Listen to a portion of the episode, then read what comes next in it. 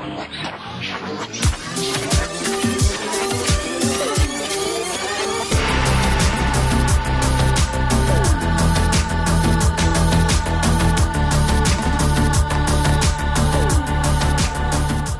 dere. I dag har jeg tatt med meg popstalgi on the road, får man si. Jeg sitter nemlig i huset til en av Norges store popstjerner. Hun eh, har invitert meg hjem til seg, som jeg er veldig veldig stolt over. For jeg vil lære alt om hennes karriere. Hun, eh, altså Jeg ble fascinert av musikken hennes fra første stund, men jeg ble solgt da jeg leste i anmeldelsen at hun var på en måte Norges Britney Spears. var det en anmelder som skrev. Da gikk jeg rett ut og kjøpte albumet. og dere hører kanskje latteren her nå. Jeg snakker selvfølgelig om selveste Maria Arredondo. Hei, hei. Velkommen til Popstalgi. Tusen hjertelig takk. Det er så hyggelig at du ville være med på dette her. Jeg har så mange spørsmål om din musikk, og hvordan alt begynte, og bare om deg generelt. Åh, Så gøy. Og så skummelt. Ja, Nei, men Kjempestas, det, altså. ja. Det er veldig gøy å mimre tilbake, for jeg, på vei ned hit hørte jeg på en eh, podkast om popmusikk, som jeg pleier å gjøre. da. Ja. Og da snakket jeg om hvor fort man på en måte glemmer musikk, og hva, når man på en måte, hvilken alder man husker musikken best fra. Ja. Og det var da rundt 13 år, har de kommet frem til. Ja. Og det var det året albumet ditt kom ut, for min ja. del. Oh, ja.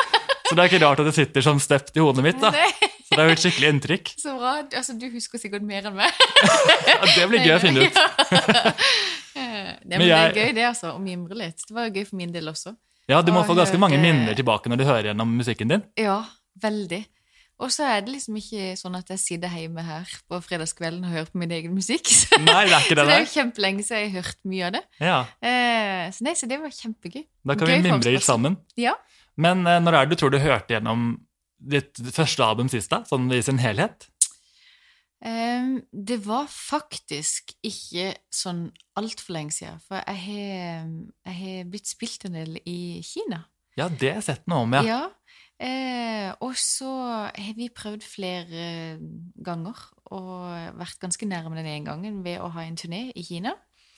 Eh, men så har det vært litt sånn fredspris-dill innimellom, som ikke vi fikk eh, innreise, og så ble jeg gravid, og så Ja. Eh, men, men da hørte jeg på en del av musikken igjen.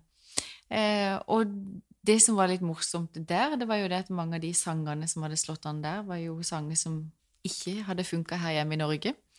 Eh, men, eh, men bortsett fra det, så var det lenge siden. Ja. For jeg leste noe om at det er en av Kinas mest kjente online-gamere som har, kaller seg Burning. Ja. Og derav din låt som har blitt så stor hit der borte. ja.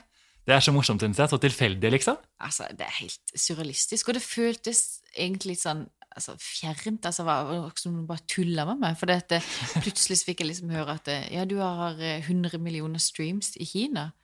What? Ja, Det er helt vilt. Ja, det er helt vilt, og så bare vet jeg ingenting om det. Aldri vært der.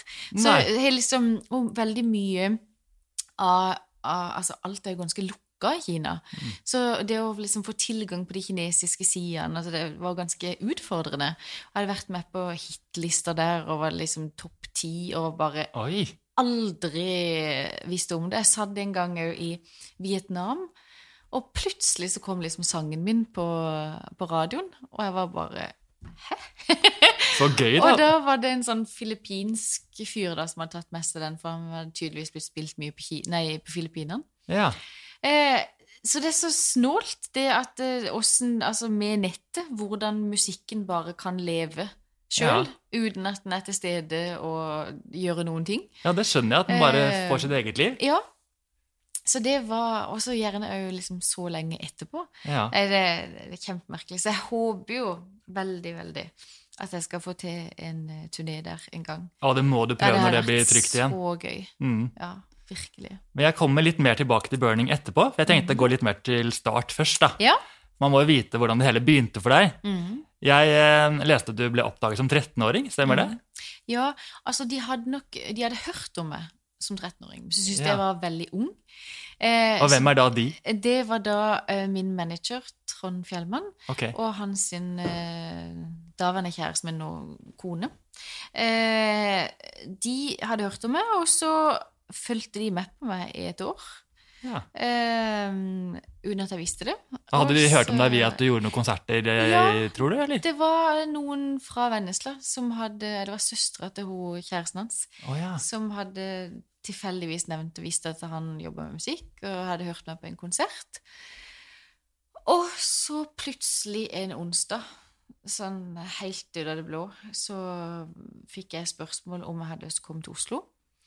Eh, og jeg måtte reise da om to dager til. Oi. Skulle egentlig på konfirmasjonsleir. Eh, og, og to dager etterpå så satt jeg da på flyet. Jeg hadde aldri flydd før. Eller jeg hadde flydd før, men jeg var liksom to år, så jeg husker ikke noe av det. Eh, kom inn til Oslo og visste bare at jeg skulle reise At det var trygt til Mamma liksom kjente foreldrene til hun kjæresten. Ja, det Eh, skjønner så jeg det var viktig, liksom, da. ja. Eh, og så kommer jeg inn og skulle da treffe de og kom inn i et gigantisk studio. Oh, ja. Det var Studio 1. Og jeg skjønte jo ingenting. Og det var liksom, ja, her er et headset, kan du prøve? Og jeg har liksom sett på filmer sånn at du kunne stå med den ene headsetet, eller den ene klokka av og den andre Ja, det ser litt sånn kul ut. Eh, Ja, ja. Og, og så var det liksom jeg kunne synge en sang, da. Og den eneste sangen, for jeg var utrolig sløv på å øve og lære inn tekster. Ja. Så den eneste sangen jeg kunne et helt vers av, det var Amazing Grace. Så min audition var da at jeg sang den, det ene verset, fire ganger.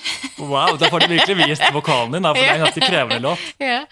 Nei, så Og så etter hvert så spurte de om jeg kunne komme inn i kontrollrommet, og så var det liksom Du eh, Har du lyst til å spille inn plate? Eh, så var jeg litt sånn eh, ja, ja, selvfølgelig. Mm, La meg tenke litt på det. Eh, og så var det ja, hva slags musikk. Og da hadde jeg jo egentlig gjort litt sånn musikal Altså, starta for eksempel i kirka. Mm. Det um, Så det var liksom eh, Men jeg, hvis jeg liksom skulle gjøre en plate, så hadde jeg veldig lyst til å gjøre pop. Jeg hadde lyst til å gjøre musikk som mine venner kunne sette på Ja. uh, og høre på.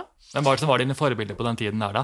Av artister? Uh, nei, men altså, jeg vokste opp med sånn som eh, Celine Dion, Whitney Houston, alle disse. Jeg var også veldig glad i eh, Sigvart Dagsland, Bjørn Eidsvåg Altså, jeg var glad generelt Uh, Jeg har alltid vært todelt. Jeg har alltid vært veldig glad i gode sangere, og så har jeg vært glad i gode tekster. Ja. Ehm, så det, det var Ja, mye Så- forskjellig. Så du hadde en ganske tydelig visjon da, for ja. hvilken stil du ville gå for?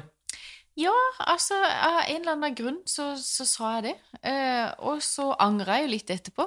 Det For det var ja? ganske vanskelig for meg. Ja, altså det å gå liksom ifra å synge musikal, kanskje litt mer eh, halvklassiske ting, til å liksom skulle gå over og, og synge den tighte popen. ja. Eh, og lære meg også en helt annen måte å synge på. Eh, det var kjempevanskelig. ja er, det, er det en veldig annen vokalteknikk for deg? Ja. Mm. Eh, jeg hadde synget med hodeklang, og så skulle jeg gå ned til brystklang. Eh, altså, Ja. og, og pop, det må jeg bare si, at pop det er det vanskeligste jeg gjør. Det er det. Fortsatt en dag i dag så syns jeg at popmusikk det er det vanskeligste å gjøre. Så når liksom folk sier liksom at å, pop ja, det er bare sånn lett Nei, nei, nei. nei. Jeg vil mye heller gjøre det meste andre ting også, men, men nei. Så det var, det var utfordrende. Eh, men eh, Så jeg holdt på i sikkert to-tre år før jeg slapp første plate. ja. Det hadde jo ikke bare med det å gjøre, men det hadde òg med at jeg var så ung, og at de som jeg jobba med, de var veldig opptatt av at jeg skulle vite hva jeg gikk til. Mm. Eh, Det var jo fint at du ikke bare ble kastet ut i det på et par Ja. dager. At jeg hadde, jeg hadde masse medietrening, jeg hadde jeg var, fikk treffe masse andre artister. Mm. Eh, var lenge i studio, holdt lenge på med første plate. Ja. Eh, så det og da Altså, jeg husker jo fortsatt den dagen vi slapp henne. Altså, det var sånn jeg- Til slutt så tenkte jeg liksom at nei, vi kommer jo aldri til å slippe den plata. Vi kommer jo aldri i mål. Og da når han manageren min eh, våkna meg klokka seks om morgenen, så kom han inn og så sa jeg måtte stå opp, og så slengte han VG for bordet foran meg, og der var det da en sekser. Og altså, det, det var bare Ja. Ja, det må ha vært uvirkelig. Ja, virkelig. Jeg prøvde faktisk å finne den anmeldelsen, jeg fant ikke akkurat den teksten, men det er jo Ja. veldig imponerende å få en terningkast seks for et popalbum også, for den Ja. sjangeren er jo kjent for å bli slaktet uansett om den er bra eller ikke, i mine ører det i hvert fall. Yep. Så det var jo virkelig et uh, mesterverk, og for en start. Ja. ja, virkelig. Og så eh, etter det da, så eh, var det turné og hele popstjernelivet, eller hvordan gikk du videre etter dette? Nei, altså da var vi altså Det var jo da sånn som VG-lista reiste jeg jo en del med. Ehm, og så hadde jeg noen egne turneer. Men på det første året, altså den første, det første albumet, så hadde jeg jo fem singler. Ja. Uh, Så jeg slapp jo tre singler før jeg slapp plata. Så da hadde jeg liksom hatt et helt år på en måte venne meg litt til det. Altså gjøre Ja. noen TV-opptredener, gjøre radiointervjuer og noen andre intervjuer. Um, og så på da, altså den tredje singelen, det var da den singelen med Christian Ingebrigtsen, Mm. 'In Love with an Angel'. Eh, og det var jo da egentlig at det Ja, At det tok litt av, på en måte? ja, egentlig. Derfor så er jeg så glad for at jeg hadde hatt det året i forkant til å bare venne meg litt til alt. Mm. Eh, for da eh, Ja, da var det plutselig Skavlan og Spellemannsprisen og Ja. Eh, Ja. Alt. Eh, og da reiste jeg også på turné sammen med han den sommeren. ja. Ehm, og det er jo altså Jeg skjønner jo fortsatt ikke den dag i dag åssen jeg tørte. Så jeg gikk jo fra liksom å ha sunget hjemme på små arrangementer i Vennesla til å plutselig liksom stå foran 100 000 og 10 000 og 5000. Altså, Det er veldig modig, ja. det var helt vilt. Men var Altså- familien din eh, bekymret, eller var de veldig oppmuntrende og trygge på at det her skulle gå bra? Da det her Mm, skjedde? Mm, det var veldig blanda. Ja. Fordi at um, de var lykkelige på mine vegne, Mm. og syntes det var veldig gøy at jeg fikk oppleve drømmen min. Eh, samtidig som det også var utfordrende å skulle sende meg av gårde som da altså da jeg begynte å reise til Oslo i alle ferier og helger, så var jeg 14. Ja. Og 16 når jeg flytta. Jeg ble 16 når jeg flytta inn. Ehm, og det sånn som den første tida så var jeg kanskje hjemme én-to ganger i halvåret, og da var det gjerne bare en helg.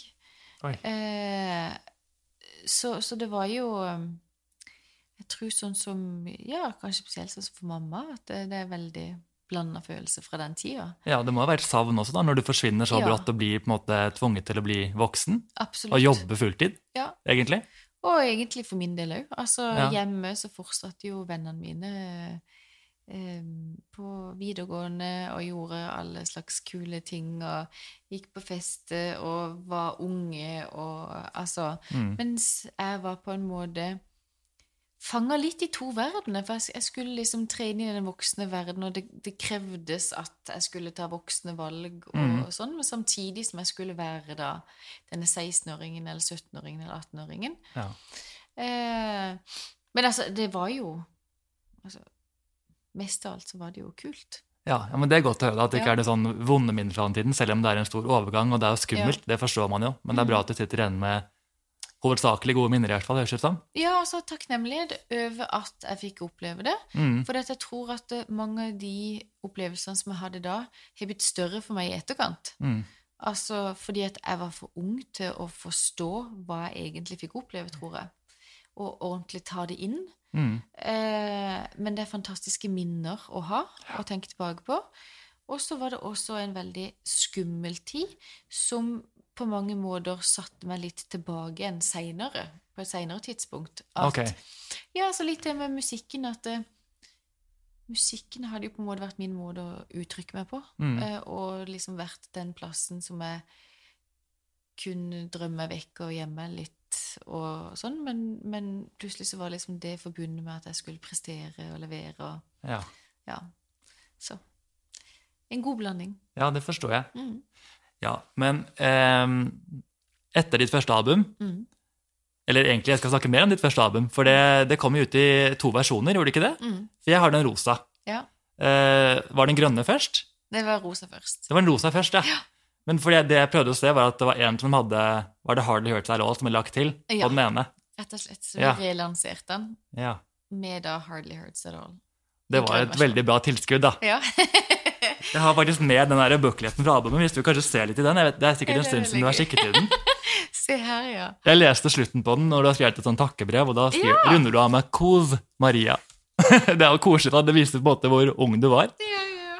Ungdomsspråket. Det er veldig gøy. Nå er jeg blitt så gammel at jeg klarer ikke å lese hva som står. så det var sikkert en fin takketale.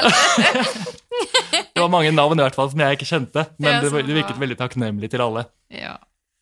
Men uh, det albumet, følte du at det, når det kom ut, følte du at det representerte din musikkstil, og du var på en måte Du kjente deg igjen i stilen, eller hvordan var det du Hvordan så du på det da det kom ut, liksom? Eh, jo, altså eh, Det var min musikkstil, og det ble min musikkstil. Og det var Mm. den jeg hørte på eh, i ungdomsårene. Så jeg hørte òg på Britney Spears og Mm. Christina Aguilera. Og, ehm, og så var det jo òg sånn Vi snakka jo litt om det i stad i forhold til min tilnærming til popen. Altså, det ehm, Jeg hadde en sånn snarvei, eller, eller jeg, jeg hørte en del på country. Ja, det gjorde det? Ja, for at hun ene eh, sangpedagogen som jeg gikk til, for å lære meg å synge pop, så hadde da var jeg innom country. Oh, ja. Eh, så jeg tror nok at mye av både dette albumet og andre album har nok vært har nok, ja, vært litt påvirka av det. Er det sånn eh, litt pop-country som Shania Twain, eller var det mer hard, Ja, altså- hard country, hvis man kan si det? Nei, altså begge deler, men eh, eh, jeg er fortsatt eh, veldig glad i country. Lian Womack er liksom vært en av mine favoritter. Ja. Men også Shania Twain. Altså, hun har hatt fantastiske eh, sanger, hun også. Men hun er jo veldig i den der eh, country-pop. Mm. Ja. Sånn mellomverden der. Mm, Faith Hill. Ja, ikke sant? Eh, ja. Litt sånn Taylor Swift også har vært en periode, da. Ja. Nå har hun gått full on popstar, men det Ja. var en mellomfase der. Ja. Men det er gøy du sier det, for jeg hadde um, en annen gjest jeg har hatt med i podkasten, er Dina. ja. Og hun sa også at hun hørte egentlig veldig mye på country. Ja. Så jeg så for meg nå om hun skulle shoppe et album i dag, så hadde det sikkert blitt et sånn trans-country, som jeg Ja. tenkte hørtes veldig interessant ut. en ganske Ja. ny sjanger, egentlig, i mine ører i hvert fall. Nei, men altså, jeg kunne veldig gjerne altså, En gang så, må jeg, så skal jeg slippe en, en eh, countryplate. Ja, det tror jeg hadde blitt veldig fint. Ja, det hadde vært veldig gøy, iallfall. Ja. ja, det får vi glede oss til. Men eh, jeg tenkte å gå litt dypere inn på selve Mhm. albumet, for det er jo det jeg på en måte er, eh, Ja. liker å gjøre. Um, den første singelen Jeg var jo litt usikker. Hva var den aller første singelen du slapp fra albumet? Det var Can Let Go. Det var det, ja. Da har jeg riktig rekkefølge her. Jeg ble Ja. bare litt usikker. Men den er skrevet med Anu Bhagavan, eh, Hari Sommerdal og Jonas von der Burg. Ja. Burg. Litt Ja. vanskelige vanskelig navn her. Ja. Men de har, flere av de har jobbet med September, Ja. som har skrevet Satellites, en av mine favoritt-September-sanger. Så utrolig catchy. Og han Harry Er han norsk? Harry Sommerdal? Harry Sommerdal, han er svensk. Svensk, ja. Mm. ja. Han har jobbet for Robin, of Base og britiske Ja. Saturday, så veldig mye bra, da. Ja. Og det kan man høre på Can Let Go, for den er så veldig liksom altså, Misforstå meg rett enkel, men på Ja. at den er veldig sånn går rett inn i øret. da. Ja. Man kan liksom synge med fra første sekund, og det er så deilig med den. ja. Har du noe minner eller på en måte historie bak den sangen selv? Eh, ja, for det var en av de første sangene som på en måte forma Altså, jeg hadde jo vært i studio utrolig mange ganger og spilt Mm. inn uhorvelig mange demoer. Men Can Let Go var nok en av de første fra albumet som ble spilt inn. Ja, ok. Um, og da var jeg i, i Stockholm og spilte inn hos de. Uh, de uh, var, Vi, vi forsto ikke hverandre i det hele tatt. Så de var litt sånn eh, Ja, men var det ikke en norsk jente som skulle komme? Hun snakker jo dansk, Ja. altså med dialekt og Så vi snakka da eh, Ja. Ble det engelsk til slutt, eller? Norsk, eh, svensk, engelsk. ja. Eh, men men, eh, ja, men altså, det, det var liksom Lille jenta fra Vennesla kommer til Stockholm og skulle liksom jobbe sammen med produsenter, som du sier hadde jobba sammen med masse store. store artister. Ehm, jeg har også en sånn eh, eh, Det var jeg vet, jeg vet ikke om jeg skal ta den, men jeg har en sånn Britney-historie. Skal jeg ta den? Veldig, veldig gjerne. Ja. du snakker til rett person her. Eh, det var en av de første gangene som jeg var i Stockholm. Eh, jeg tror faktisk det var helga etter jeg hadde signert kontrakt. Okay. Så, så eh, dro vi til Stockholm, og eh, vi hadde da Altså, de hadde booka meg inn på en sånn suite. To etasjers suite. Oi, wow. Var Stjernelivet med ja, en altså, gang. det var bare helt uh, tullete. Uh, og eh, som sagt, det var andre gang jeg fløy. Ja. Det ble Første godt vant gang var helga før. og, og, og da liksom husker jeg var liksom den ene produsenten på den andre. Som du ikke da- hadde møtt før? Ja, som ikke hadde møtt før, som kom Ja. da, og som jeg skulle hilse på. Og det var altså Men så var det da den her ene gangen hvor jeg satt sliten i studio etter en lang dag. Mm.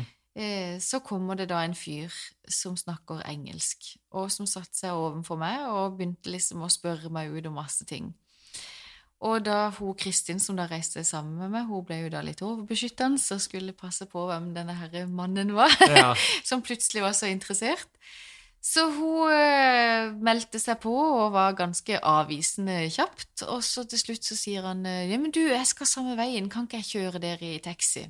Ok. til, ned til hotellet.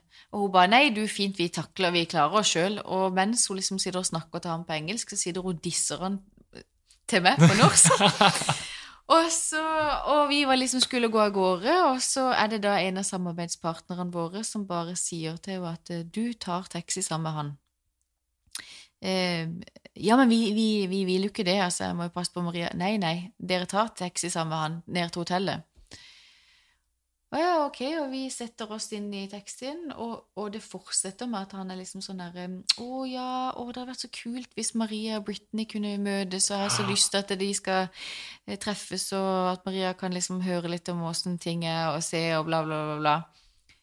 Og hun bare liksom Ja, å, det hadde vært så hyggelig, og fortsetter å disse om at ja, ja, han kjenner henne sikkert ikke i det hele tatt, og bla, bla, bla, bla. Ok.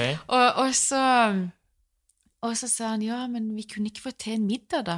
Det er jo litt vanskelig for Britney å, å, å liksom bevege seg ute blant folk, så hadde det vært mulig at dere kanskje kom på hotellet eh, til oss og spiste. Og, og hun bare Nei, du, det er ganske vanskelig for oss å bevege oss ute. Så vi Nei, vi må nok bare gå og, og, og være på hotellet i kveld. Og, og bare kjørte. Altså full eh, avvisning. Og til slutt da, så går vi ut av denne her bilen.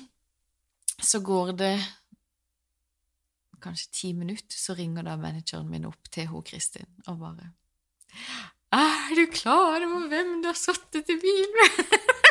Var det Max Martin, eller? Nei, det var Martin Dodd, som da signerte Britney, Backstreet Boys eh, Altså, han var vel noe A&R-sjef i Sony, Oi. og var der sammen med Britney, og hadde da hatt lyst til at meg og Britney skulle møtes. Han var der inne i studio for å treffe meg, for å liksom ja, bli kjent og ja, bla, Men så rart at ikke dere hadde fått noen beskjed om at han skulle Nei, være det var jo bare For jeg, hadde jo vært i studio hele dagen, og så hadde han bare typisk stukket innom, for de var eh, sammen med Max Martin i, i det andre studioet. Ja, ikke sant. Så det var da jeg kunne treffe Britney Wow. Spears. Så rart at man Ja. både er så nære det der. ja, ja, ja. Men eh, det har jo blitt en morsom historie i etterkant. Ja, Det hadde vært gøy hvis du bare sa sånn Ja, så ble jeg kjent med Britney, snakker med henne nå, vet Ja, hva som skjer. Det hadde, hadde vært veldig spennende. Åh, Ja. herregud, ja, det der gir meg litt frysninger, faktisk. Eh, jo, så slapp du singelen Just a Little Heartache Ja. etter Can't Let Go. Ja. Den er jo en av de som på en måte treffer meg eh, best. Den er så veldig sånn her, mektig. Den Ja. løfter deg liksom opp i refrenget. Ja.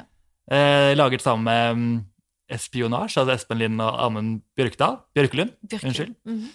Eh, hvordan ble den til, da? Har du noe morsomt å fortelle om den, kanskje? Ja, altså, inngangen der var vel egentlig eh, Var det In Love with an Angel? Nei, det var bare Just Little Hardick. Du, det var egentlig bare Trond som hadde jobba sammen med Espen tidligere. Ja. Som fortalte at han hadde en ung artist som han leide etter låter til, og lurte på om de hadde noe de kunne Så skrev de eh, et par låter til meg. Blant annet Just Heartache og Hardly Hurts At All. Ja. Og litt andre etter hvert. Um, ja, for dere jobber jo mye sammen videre også. ja, Sant. vi gjorde det. Og eh, jeg syns jo det var veldig stas. Jeg hadde jo vært småforelska i Espen Lind eh, siden han kom med første plate. Og, så jeg husker liksom de første gangene jeg var ganske starstruck. Jeg sa ikke så veldig mye. Det var sånn Hei, ok! Eh, Men, men eh, Nei, så da starta det. Jeg var også Ja. veldig glad i den. Mm. Den har jo også litt av den der eh, countrypop Ja, det har den jo. over seg. Um, så den reiste jeg da med det første halvåret. Mm. Første sånn ordentlige radiosingel, tror jeg. Can Let Go var jo også radiosingel, men Gisle Hardek gjorde det ganske bra. Mm. Det er den folk ser, altså som knytter seg til når jeg har nevnt at jeg skal møte deg nå, så er det den folk alltid tenker på, hvert fall Ja. jeg merket hittil. Selv Ja. om In Love With An Angel var jo kanskje den største hiten, på en måte. Ja. Men Just a Little Heartache er liksom den Den er jo bare mer uptempo, litt mer sånn her, jeg vet ikke det. Folk eh, ser som de trekker seg til den i hvert fall. Ja, han, han lå òg vanvittig lenge på listene. Den gjorde det, ja. Noe så helt vanvittig. For jeg hadde På et tidspunkt så var det jo Det var vel tre sanger topp 40, og så, men den var topp 100 i altså, Jeg vet ikke hvor lenge det var, men det var for veldig, veldig, veldig Altså, lenge. gøy. Ja. Men eh, ja, det må være kult å tenke på at du har jobbet med sånn. Ja, Espen Linda, som har jobbet med alle de store artistene der etterpå også. Ja. Altså Fra alt liksom, til Beyoncé til Chris Brown, Train, Lionel Ja. Richie. Det er så mange der. Ja. Du har virkelig hatt en, et veldig sånn bra team bak deg hele veien. ja, det er helt tullete. Det er så um, gøy. Det er det som gjør deg til så ekte popstjerne. Ja. Ja, eh, a Little den er vi vel da ferdig med nå? Er det noe mer du vil tilføre om den? Har du noen minner fra liksom, at du spilte den live noe sted, eller noe som var spesielt med den? Eh, eh, det som ofte var med å skulle spille inn hos Espen og Amund, var det som oftest Amund jeg jobba med. Eh, og så sa det Espen og, og skrev, men det var liksom av og til han, han poppa innom og skulle bare vise åssen jeg skulle gjøre det. Okay. Han synger jo så fantastisk. Ja. Og har jo et vanvittig spenn. Så var det som, Han kom inn som en sånn virvelvind av og til. Jeg kan ikke bare gjøre, sånn her Og så vom, forsvant han igjen. ja. Og så hadde han en fryktelig skummel hund. Oi. Katrine, det var en sånn eh, dobbermann. Het hunden Katrine? Ja. Ja, Alltid morsomme hunder med menneskenavn. Eh, men eh, nei, det var, det var utrolig stort å få jobbe med de. Og de er så flinke og hyggelige gutter. Ja. Eh, som ikke jeg har sett på mange år. Men Ja, det lurte jeg egentlig var- på om dere har noen kontakter og har jobbet med noe musikk de siste liksom, ti årene? Nei. Så eh, nå har jo de vært litt ute og reist og bodd litt her og der. Mm. Men eh, det var utrolig for meg å få lov til å starte sammen med de guttene. Ja. Kjempeflinke. Og veldig hyggelige. Nordlendinger. Det blir jo ikke finere enn det. Nei. Ærlige og eh, superjoviale og Nei, veldig, veldig, veldig fin tid. Ja, men Det er da godt å høre. Mm. Espen Lind er også en eh, drømmegjest i podkasten. Det har vært gøy å prate Ja. om hele hans karriere. Ehm, så tenkte jeg å gå over til da den vi allerede har nevnt, In Love With An Angel, som kan sies å være din aller største hit. I Mm. Norge, i hvert fall. Ja. Den lå jo eh, på førsteplass. Lå tre måneder ba- bare på topp ti. Mm. Det er ganske vilt. Um, hvordan eh, ble du kjent med Christian Ingebrigtsen? Kan jeg vel egentlig begynne med, for han synger du duet, duetten med. Mm. Det var jo en del av den der at eh, han manageren min var veldig opptatt av at jeg skulle treffe en del artister Mm. og se hva jeg gikk til. Eh, Da var det jo han og A1 på topp. Jeg var jo helt tulla med med det at eh, altså, min idole, Sigvart Aksland. altså, Mens venninnene mine liksom hadde Johnny Depp på veggen, liksom, så Ja, hadde jeg ja. Sigvart Aksland. eh, og så, men så var det ei venninne av meg som var litt sånn Nei, nå må du jo finne noen idoler som du kan henge på veggen. Og, og så var det da A1. Og jeg var bare sånn Åh, de må jeg møte. Men så, var, så plutselig så var jeg på en konsert med de, eh, og kom da i kontakt med Christian, og så spurte Trond om han hadde lyst til å skrive en sang til meg. Eh, In Love with an Angel tror jeg, hvis ikke jeg tar helt feil, at han drømte. Oi. Eh, han drømmer mange sanger. Ja, så han er det, alltid ja? en sånn opptaker ved sida seg når han ligger og sover. Så innmari praktisk å bare våkne med en sang. Mm. Så han Av og til må han opp og spille piano, men eh, som oftest er han bare en sånn opptaker ved sida av seg. Så den drømte han, og så sendte han den over. Så var det meninga at jeg skulle synge den, men så var vi litt sånn hm, Kanskje det kunne vært en, en uh, duett? Mm. Så da kom Kristian tilbake igjen en av de gangene han var i Norge, og så spilte vi da inn In Love with an Angel som duett. Mm.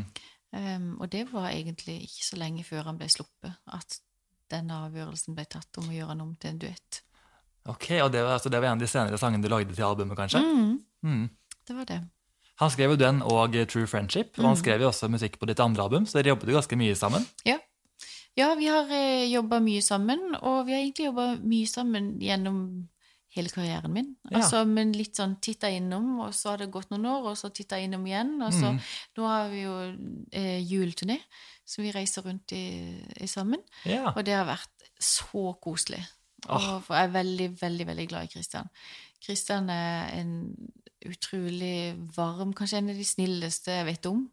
Alt, altså Han vet ikke hva godt han kan gjøre. Um, og har mye fin sånn livsfilosofi. Og, nei, altså han, han er en veldig god, god mann. Så man skal ikke se bort fra at det kommer en duett til fra dere i? Absolutt ikke. Nei. Nei, det håper jeg. Har du noen gang sunget med A1, altså alle fire? Nei, det har jeg ikke. Nei. Og det, jeg har liksom jobba sammen med Mark.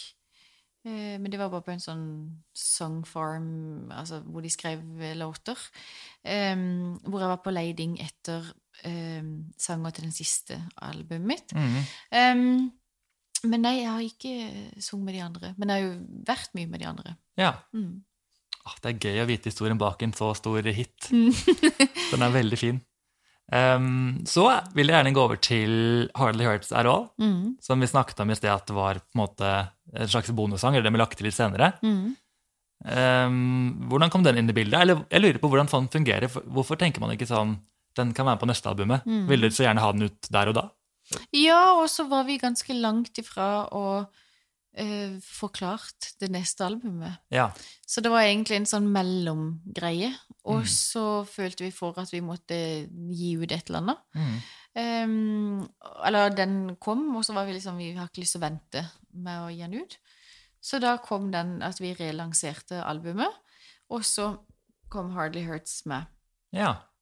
Ehm, Ja, Det gir jo mening når du sier det på den måten. For da, mm. hvis man er en sånn ivrig fan, som jeg var, så er det veldig deilig å ha en sang mens man venter på noe nytt. At det ikke bare blir helt stille over en lengre periode. ja, og det var jo altså For det var jo det som var så spesielt med det første året, da, nei, med det første albumet, at dette her varte jo da i halvannet år. Mm. Eh, at, for det var jo fem singler på det første albumet. Det er ganske unikt. Det skjer ikke så Mhm. veldig ofte lenger, det. altså. Nei, de gjorde ikke det, og jeg har ikke klart det etterpå heller. Nei. Men, men, eh, men eh, det, ja, så, så det var egentlig en sånn mellomstasjon. Men så skulle jeg jo da turnere litt en sommer, og reiste da med Hardly Hurts Ja. Men apropos singler, hvis, det Mhm. var, hvis du kunne valgt en singel til på det albumet, er det en du gjerne ville gitt ut? Um, på dette albumet Jeg har et par favoritter jeg tenkte å ta opp etter hvert, men det er bare Ja. gøy å høre om du har noen tanker Nei, om det selv. Nei, egentlig ikke på dette. For at på dette så følte jeg egentlig at eh, de singlene som var, ble valgt. Mm. Em, en av de som jeg kanskje har hatt sterkest opplevelse med å spille inn, var A Thousand Nights. Ja. Um, og det var ikke nødvendigvis en sånn favoritt for meg, men jeg var veldig glad i sangen. Og det var bare en fin innspillingssession? ja, altså, det greia var det at det, det var det som på en måte Jeg hadde stang Jeg følte liksom at jeg hadde holdt på i så mange år, og jeg fikk det liksom ikke helt til. Jeg syntes det var skummelt med studio, og det gikk Mm. jo utover synginga. Altså. Så det var faktisk den første jeg spilte inn til dette albumet. Å, det var det. Mm. Og det skjedde eh, på eh, 9-11. Oi. eh, vi, vi var ute i pauserommet, og så og Plutselig så var det bare sånn det helt ville tilstand. Det var sånn Nei, du kødder, du kødder. Alle satt med Da satt vi vel og så på nyhetene. Eh, For du var i Norge? Så da, ja. Ja.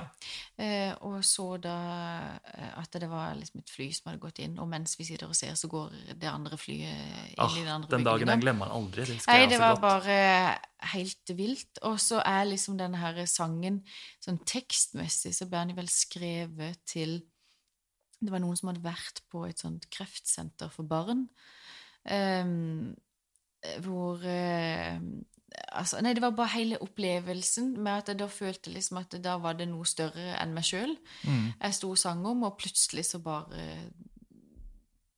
knakk en kode Ja. eh, som løsna alt. Og så begynte vi da å spille inn dette her albumet. Så derfor så er det liksom kanskje den jeg husker best opplevelsen rundt, og følelsen jeg hadde, og der var det ikke så viktig åssen jeg sang, eller om jeg gjorde det riktig, eller Derfor er det kanskje heller ikke den beste innspillinga, men Men det var liksom bare en, en utrolig fin, men samtidig vond opplevelse. Ja, det forstår jeg. Det høres ut som et slags avgjørende vendepunkt bare Ja. for deg som artist, og at du kjente liksom ok, nå får jeg det til Ja. likevel. Ja. Det er interessant, det skal jeg tenke på neste gang jeg hører på den sangen. Det endrer jo litt eh, oppfatningen av den. Men eh, et par av mine favoritter som ikke var singler, Mhm. det er blant annet Make Me Feel. ja. Dette nå er det fordi jeg har sagt jeg elsker Britney og Shania Twain. Da kan kan du kanskje skjønne hvorfor. For den her har litt sånn Det minner litt om Shania Twains I'm Gonna Get You Good. Den mm. derre starten, syns Ja. jeg. Ja. Det er bare et kompliment, altså. ja. Nei, men eh, ja. Så den, eh, den er innmari catchy, og så laget med Harry Sommerdal og Jan- Jonas von der Burg. Mm. Sant? Ja. Disse September-folkene også. Mm. Um, den, har du sunget den mye live, den sangen der? Ja, altså, den, den pleide å, jeg å starte hele konserten med. Å, de gjorde det. Mm. Så jeg husker, Men den gangen kanskje jeg husker best, det var at eh, For vi var jo ni stykker på scenen. Mm. Det var den eh, gangen man kunne reise med fullt band. Var det med band, og hadde du dansere danser også da, eller? Nei, da hadde jeg tre korister Ja, og, og fem i bandet. ok. Eh, og så eh, Og så var det hadde vi Det hadde vært noen misforståelse på forhånd. Så jeg sto bak og venta på at jeg skulle på. Så begynner da han ene gitaristen på noe sånn slide, men han begynner da på Can Let Go. Oh, ja. Og så begynner én på Make Me Feel, som da var sangen vi skulle begynne på. ja. Og så begynner da en tredje på En annen sang? Ja, ja, ja. Hva var det for noe, da? For en ufrivillig ufrivillig mashup. Ja, det var sånn Can Let Go, Make Me Feel og en til som ikke husker hva var. For a Friend, tror jeg det var. Hva valgte du å gjøre da? Nei, altså, Jeg sto jo bare bak og skjønte ingenting. Til liksom noen fikk ropt til de andre at det, det er feil låt! Ja. og så var det liksom Make me feel da, da, da. Ja. Herregud, da skal man være glad på han også synger live, sånn at man ikke går på en smell sånn som da mange Ashley Simpson har gjort, og disse artistene som da var på SNL for eksempel, og ble tatt i å synge playback. Det er sånn Ja. det minner meg om når no- noe går feil på scenen. Ja, Det kan jo gå så innmari feil, men det hørtes ut som du taklet det ganske bra, da. ja, heldigvis var jeg ikke på scenen, for jeg hadde ikke takla det bra hvis jeg sto på. Ikke sant? Hva gjør man da? ja. Nei, altså, en må jo bare Jeg har jo opplevd det også, men, men eh, en må jo bare få det til å funke og smile. Ja. En annen eh, sang som også er Jeg tror det er den sangen her som ble sammenlignet med Britney. Det var Better Than That. Mm. Eh, laget av Botolf Lødemel og Lars Aas, Mm. som begge har jobbet med M2M, Mm. og blant annet S-Club 7 og Kylie Minogue. Det syns jeg var en morsom eh, lineup, om man kan kalle det det. Mm.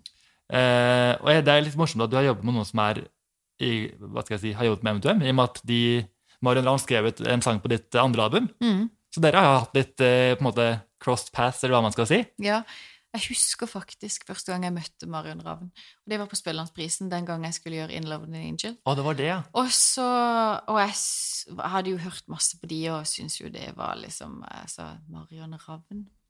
Så jeg husker jeg så og bare observerte henne, og så plutselig så bare kom hun hen til meg, og så sa hun at åh, du, vet du hva, jeg må bare si, men Just Let Hardic, det er en fantastisk låt, og, og et eller annet som hun sa. Og jeg fikk jo bare ikke ut et ord, det var jo jeg som egentlig var fan.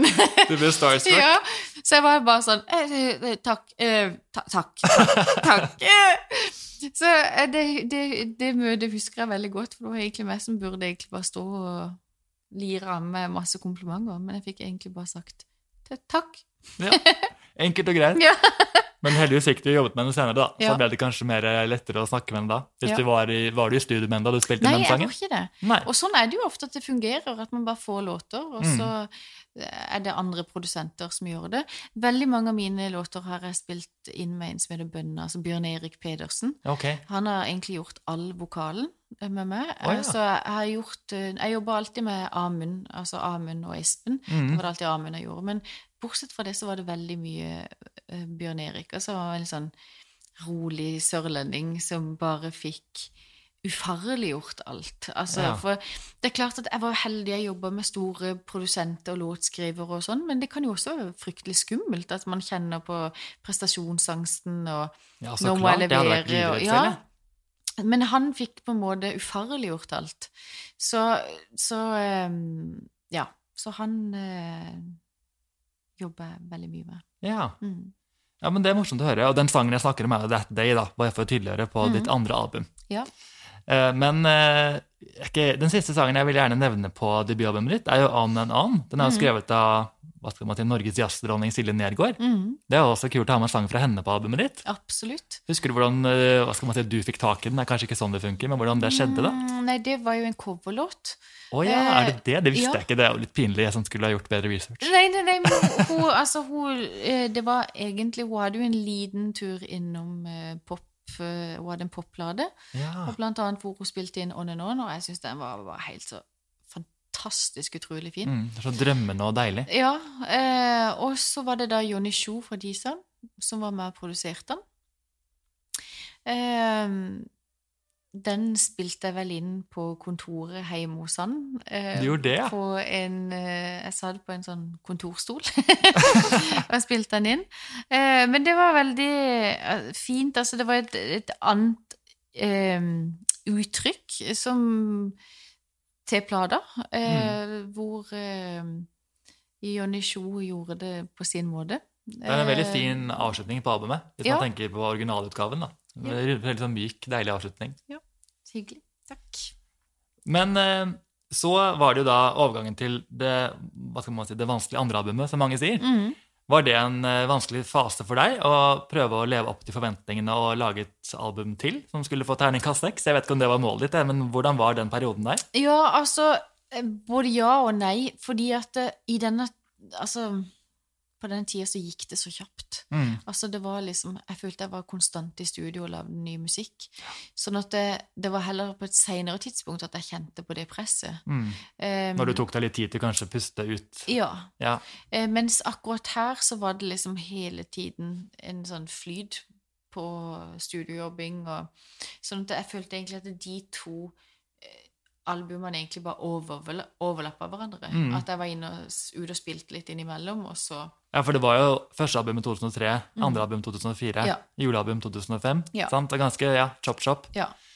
Jeg skjønner at det blir en bare sånn en Så for deg. Så det periode ikke så mye å tenke på det, og også fordi at det på det andre albumet Nå husker jeg ikke helt, men der var det også en del singler, sånn at da hadde jeg liksom spilt inn en låt, ut og promotere, og spilt inn litt mer, og så Mm. At det, det var sånn glidende overgang. Ja. Eh, men men eh, eh, Der husker jeg en av de sangene som jeg syns var ordentlig morsom å spille inn på den plata. Det var 'Not Going Under', altså tittel... Eh, eh. Tittelsporet, ja. ja. Eh, da eh, Fordi at jeg hadde jo vært en sånn der eh, altså Blid sørlandsjente som var alltid veldig opptatt av å tilfredsstille alle og alt rundt meg, og var fryktelig redd for å si noe feil, gjøre noe feil. Mm. Eh, det er jo en litt sånn sint låt. Ja, det er det som er litt deilig, Ja. som du sier, at den er litt sånn kontrast til den andre veldig glade musikken din. da. Ja, Den er jo glad, den også, men mer sånn hard. Så jeg har egentlig aldri spilt inn en låt så kjapt som den. Nei, det var okay. en sånn befrielse. Jeg var kjempesvett når jeg gikk ut. Det var det, ja. Eh, og var bare fikk ut så mye sinne.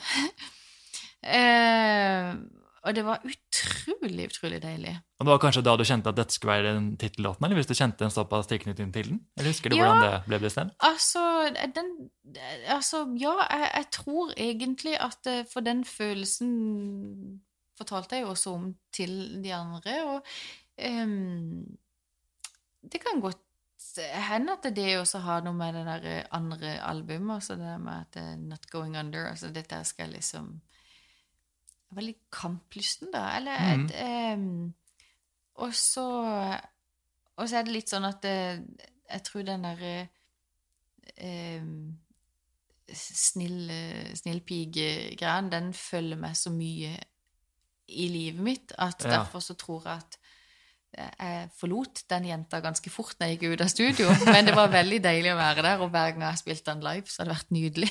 Ja, det skjønner jeg. Det er viktig å ha et sånt utløp. ja. Men hovedsingelen, det var vel på en måte, i hvert fall i mine, mitt hode, Mad Summer. Var det, debut, Ja. var det første singelen fra albumet?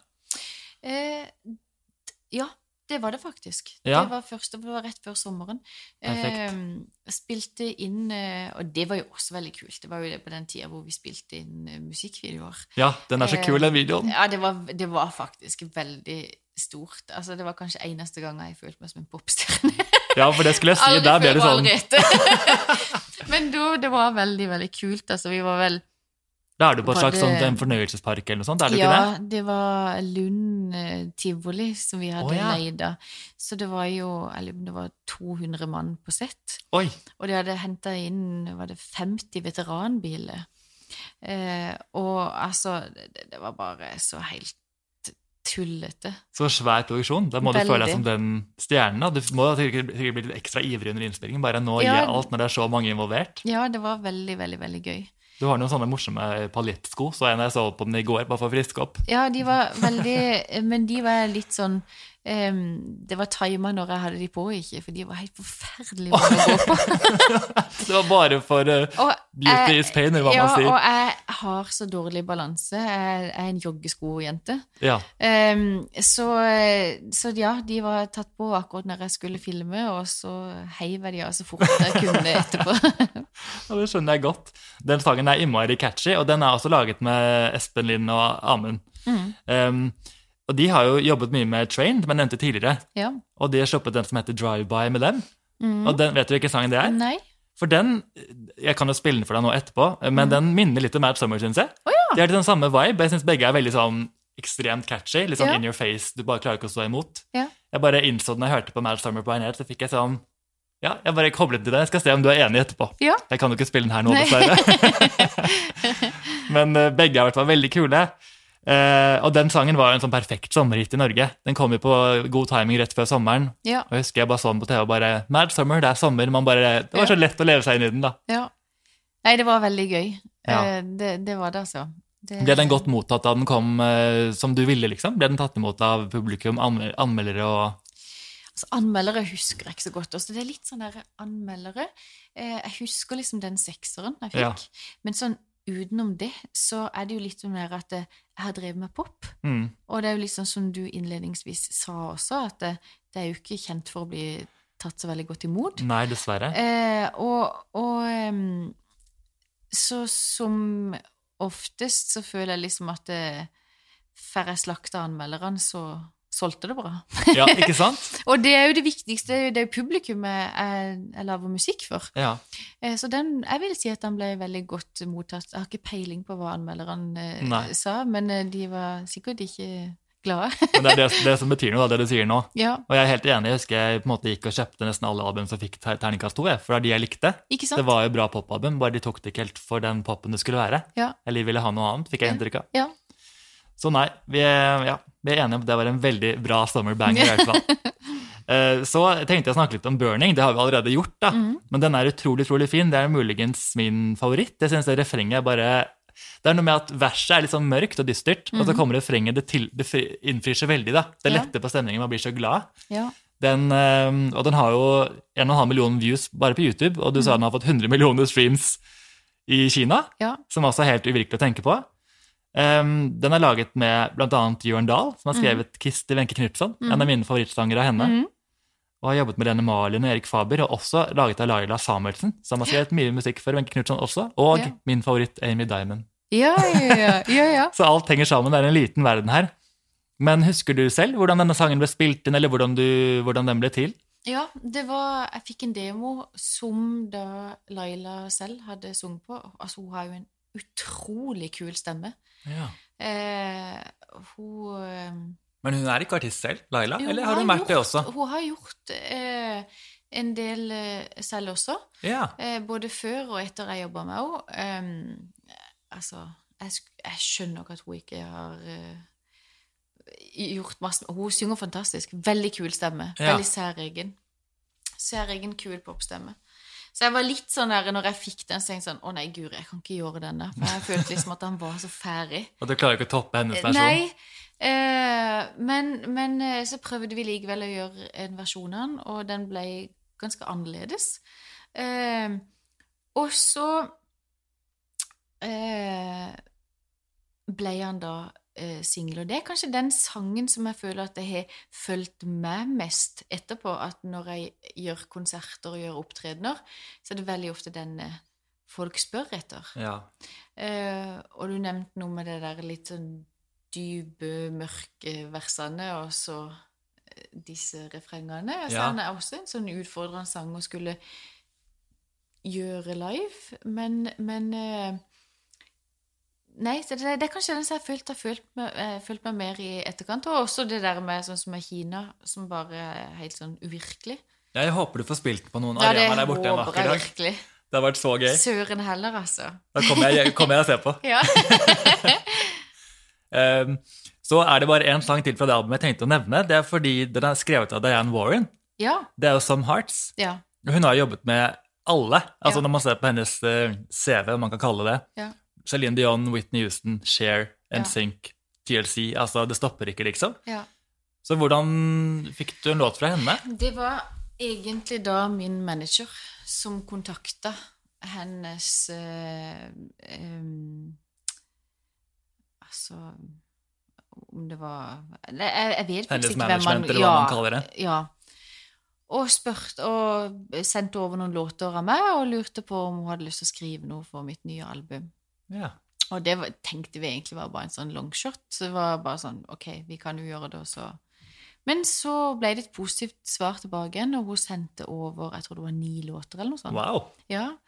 Hvor da Some Hearts var, var en av de. Så da valgte dere en av de ni, eller spilte du inn flere av de? Jeg spilte inn flere av de, Ja. eh, som hun ofte gjør i en sånn prosess. Altså, Mm. Til hvert album, altså første albumet, så spilte jeg jo sikkert inn 200 låter, føler jeg. Oi, altså, det var sånn, Jeg kunne gjerne liksom spille inn fire-fem på en dag. Uh, men men uh, Ja, så jeg spilte inn flere av de, og så ble det da Some Hearts. Så det var jo veldig, veldig veldig kult å ha en låt av henne Ja, det med på albumet. Uh, husk vet du om noen av de andre sangene har blitt gitt ut av andre artister senere? Har Ja. du, de har det? Some Hearts ble da gitt ut eh, like i etterkant av Carrie Underwood. Oi! Eh, og, og em, For da hadde hun akkurat vunnet eh, Idol der ja. borte i USA. Riktig. Og så spilte hun inn den her. Og så ble det jo en verdenshit. Oi! Mm. Så du har vært med på den prosessen der. Det er utrolig kult å tenke på. Ja. At du Det spilte var- den inn først. ja. mm. Så stort. Eh, Etter det så var det på en måte litt stopp på um, Pop Maria på en liten stund. Mm. Du ga ut julealbum i 2005, som er det albumet jeg hører mest på i julen. Du har så mange fine versjoner på det. Åh, så hyggelig. Takk. Spesielt En stjerne skinner i natt. Ja, altså, så den hyggelig. er så utrolig rørende. Og Himmel på jord, da. Altså, så bra. Så det gir meg alltid julestemning. Eh, så var det jo For a Moment i 2007. Ja. Det var um, Var det på en måte en litt mer voksen-Maria, føler du selv? Hva Ja. hadde skjedd mye på den tiden? Altså, når jeg hører på det i etterkant, så er det kanskje faktisk en av de albumene som jeg er mest fornøyd med. Ja, det er det. Jeg syns det var så mye fine låter, men jeg har aldri vært god på A&R og plukke hiter eller noe sånt. Eh, så, så det er kanskje det at det er mange bra albumspor eh, Ja. på den plata. Um, men men eh, ja, og det var jo den som på en måte funka dårligst også. Så jeg hadde Brief and Beautiful, som funka bra. Mm. Men sånn utenom det så var det nok litt for mange mm, albumspor. Ja. Eh, og Men jeg likte veldig godt det albumet. Mm. Men var det, fikk det deg til å revurdere din eh, hva skal jeg si, popstjernekarriere? Valgte du da, For da gikk du litt over i musikalens verden igjen, da, som du egentlig gjorde før du slo gjennom? Ja, altså, det var Det er jo litt sånn tilfeldigheter som gjør at eh, Eller jeg, jeg fikk eh, forespørsel om å være Maria. Spille Maria i Son of Music. Mm. Eh, og i den forbindelse så spilte vi inn eh, da en musikalplate. En musikalplate som jeg Altså, jeg har hørt på den i etterkant, så jeg er veldig sånn fornøyd med produksjonen og alt rundt, men jeg tror ikke jeg sjøl var klar for den plata enda. Jeg skulle ja. gjerne heller spilt den inn i dag. Hvordan da? Eh, sånn følelsesmessig? Var Nei, altså mer vokalsett? Altså at eh, Og forståelse, tekstfortelling, altså eh, Det er den jeg hører minst på. Det er det, ja. Eh, men jeg syns jo at alt rundt var veldig fint. Det var Ja. bare at jeg var ikke klar for den. Det kan jo også ha noe med at det er jo ikke da, det er ingen som er dine låter på den, som Nei. det bare er covers. Ja. Så det blir jo litt annerledes Det eh, gjør det, og det er gjort av mange andre før. Og det er liksom det å skulle finne opp kruttet for hundrede gang. Ja. altså, det, det, det, var, det var en utrolig vanskelig, et utrolig vanskelig album å spille inn. I tillegg til at når jeg spilte inn dette albumet, så var jeg jo midt inne i innstuderinga av Sound of Music, ja.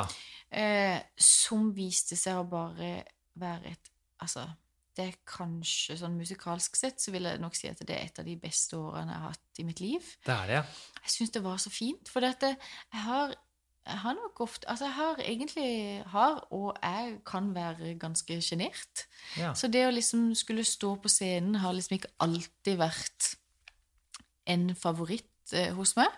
Eh, men, men der fikk jeg på en måte vært på scenen, gjort det jeg elska, men jeg slapp å være meg sjøl. Altså at jeg kunne gjemme Ja. meg bak Maria. Alt fokuset var ikke bare på deg heller. Det Nei. må være litt deilig, det også. Og jeg fikk spille på andre, vi var, jeg var en del av et team. Og det hadde jo vært tidligere også med at jeg hadde med meg band, men til syvende og sist så var det alltid meg som måtte Ja, Det var ditt navn, ansvar, liksom. ja. ble, det ble veldig fokus på deg. Ja, og, og så jeg tror det jeg syntes var så fint, var liksom å være del av en gjeng. Mm. Um, men også det å kunne være på scenen og leke. Eh, så jeg fikk på en måte mye av gleden tilbake med å drive med musikk. For det var ikke det at jeg ikke hadde gledet meg over det tidligere, men jeg tror at alvoret hadde tatt meg så mange ganger. Ja. Den derre at jeg skulle prestere og um, konkurrere med meg sjøl. Altså Uh, Mens her var det bare pur glede. Mm. Uh, som igjen fikk meg til å ta et litt sånn oppgjør med med både det ene og det andre. Altså en del eh, eh, private ting, og en del eh, med musikken. Og, jeg var litt sånn at eh, skal jeg fortsette med musikk, så må det være gøy. Altså, jeg må ha gleden av det. Altså, eh, jeg vet ingenting om hva som skjer i morgen, og da må jeg iallfall bruke tida så godt som mulig mens jeg er her, på, Ja. på en måte som jeg tror alle, vi alle kommer igjennom i en fase hvor en tenker litt over men hva skal egentlig jeg gjøre? Og, ja, absolutt. Um, Og det skinner så tydelig gjennom også, vil jeg tro. Hvis man ikke syns det er noe gøy, Ja. så vil jo det påvirke musikken ganske tydelig. Absolutt. Så jeg, da, etter Son of Music, så var jeg jo da Jeg hadde en, Jeg var jo med i Grand Prix Mm. uh, i året etterpå. Med the, the Eh, touch, ikke sant? Ja. Og, og da også var jeg på en utrolig dårlig plass i livet mitt, hvor eh, Altså, det å skulle stå fremme i et sånn trøkk som Grand Prix er, Mm. og egentlig hadde så kjipt som jeg hadde da, eh, gjorde nok eh, til at jeg hadde enda mer behov for å ta den pausen som jeg gjorde i etterkant. Ja, det forstår For Og da var jeg jo faktisk vekke i tre år. Hvor jeg blant annet Altså, jeg gjorde litt sånn små opptredener, jeg gjorde noen eventer og, og sånn, men, men fra mediebildet så var jeg helt vekke. Um, og jobba da i en kirke med ungdommer og eldre. Uh, og liksom mens jeg jobba der, så begynte jeg liksom sakte, men sikkert å nærme meg scenen igjen og ja. Um, og og ehm, så hvis mine første år kanskje eh, i, eller i løpet av karrieren kanskje var veldig mye eh, pladebasert og hele tida spille inn ny musikk, Mm. så har kanskje de neste årene vært mer live. At jeg har vært ute og spilt for eh, publikum og Ja. konserter. Og, og syns det er veldig, veldig, veldig, veldig gøy. Men jeg spilte jo også inn et album eh, som heter Heime nå. Mm. Det, det har jeg hørt på, vet du. Ja. Eh, og, og det, det, det um, var jo også en vei, og det holdt jeg på med da i løpet av de tre årene så jeg var vekke. holdt jeg på med dette albumet. Ja. Og Så det prøvde var å finne eh, veien min, og hvor jeg skulle, og hva jeg skulle. Og så kom jeg over altså Anne Takle har skrevet en del av sangene, og hun skrev, hun skrev fem av sangene på albumet mitt. ja. Så jeg kom over noen av hennes sanger, og så bare tenkte jeg å guri malla, dette er der jeg vil være. Mm. Så jeg bygde egentlig mye av plata rundt hennes låter. Fikk jeg Sigvart Dagsland til å skrive et par låter. Å, for en drøm for deg, da. Ja, det var veldig, veldig, veldig gøy. Jeg har eh, Ja, jeg gjorde jo også en duettmann på den musikalplata. Eh, men han har liksom vært mitt store, store forbilde. Ja. Så det var kjempe, kjempestort. Men så etter det, da vurderte du, var du på en måte da ferdig med litt den der eh, veldig poppete sounden, eller har du vurdert å gå tilbake til det noen gang? Altså, både òg. Det Av og til kan, kan eh, savne det, og av og til gjør jeg det også. Sånn som nå, de konsertene jeg gjør nå, er jo ganske sånn sammensatt av, egentlig det meste jeg har gjort. Hele karrieren både, din, ja. ja, Både pop og musikal og vise. Eh, tull og fjas. eh, em, så ja. På et eller annet tidspunkt så hadde det vært gøy å ta tak i det gamle og kanskje ta en turné igjen. Åh, ja, please, gjør Ja. det. jeg har aldri sett deg live, det syns jeg er nesten litt pinlig for å være så fan. Eh, Nei, men eh, Så eh, ja, jeg har egentlig eh, Men en Kanskje skulle gjort et prosjekt sammen med noen. Nei, ja, ta tak i det igjen. jeg krysser fingrene for deg at det skjer en vakker Ja. dag. Men da har vi egentlig oppsummert din veldig spennende karriere. Vi har gått gjennom veldig mye her nå. Jeg er helt over meg av begeistring. Det er så mye, det har det har skjedd så mye i din karriere.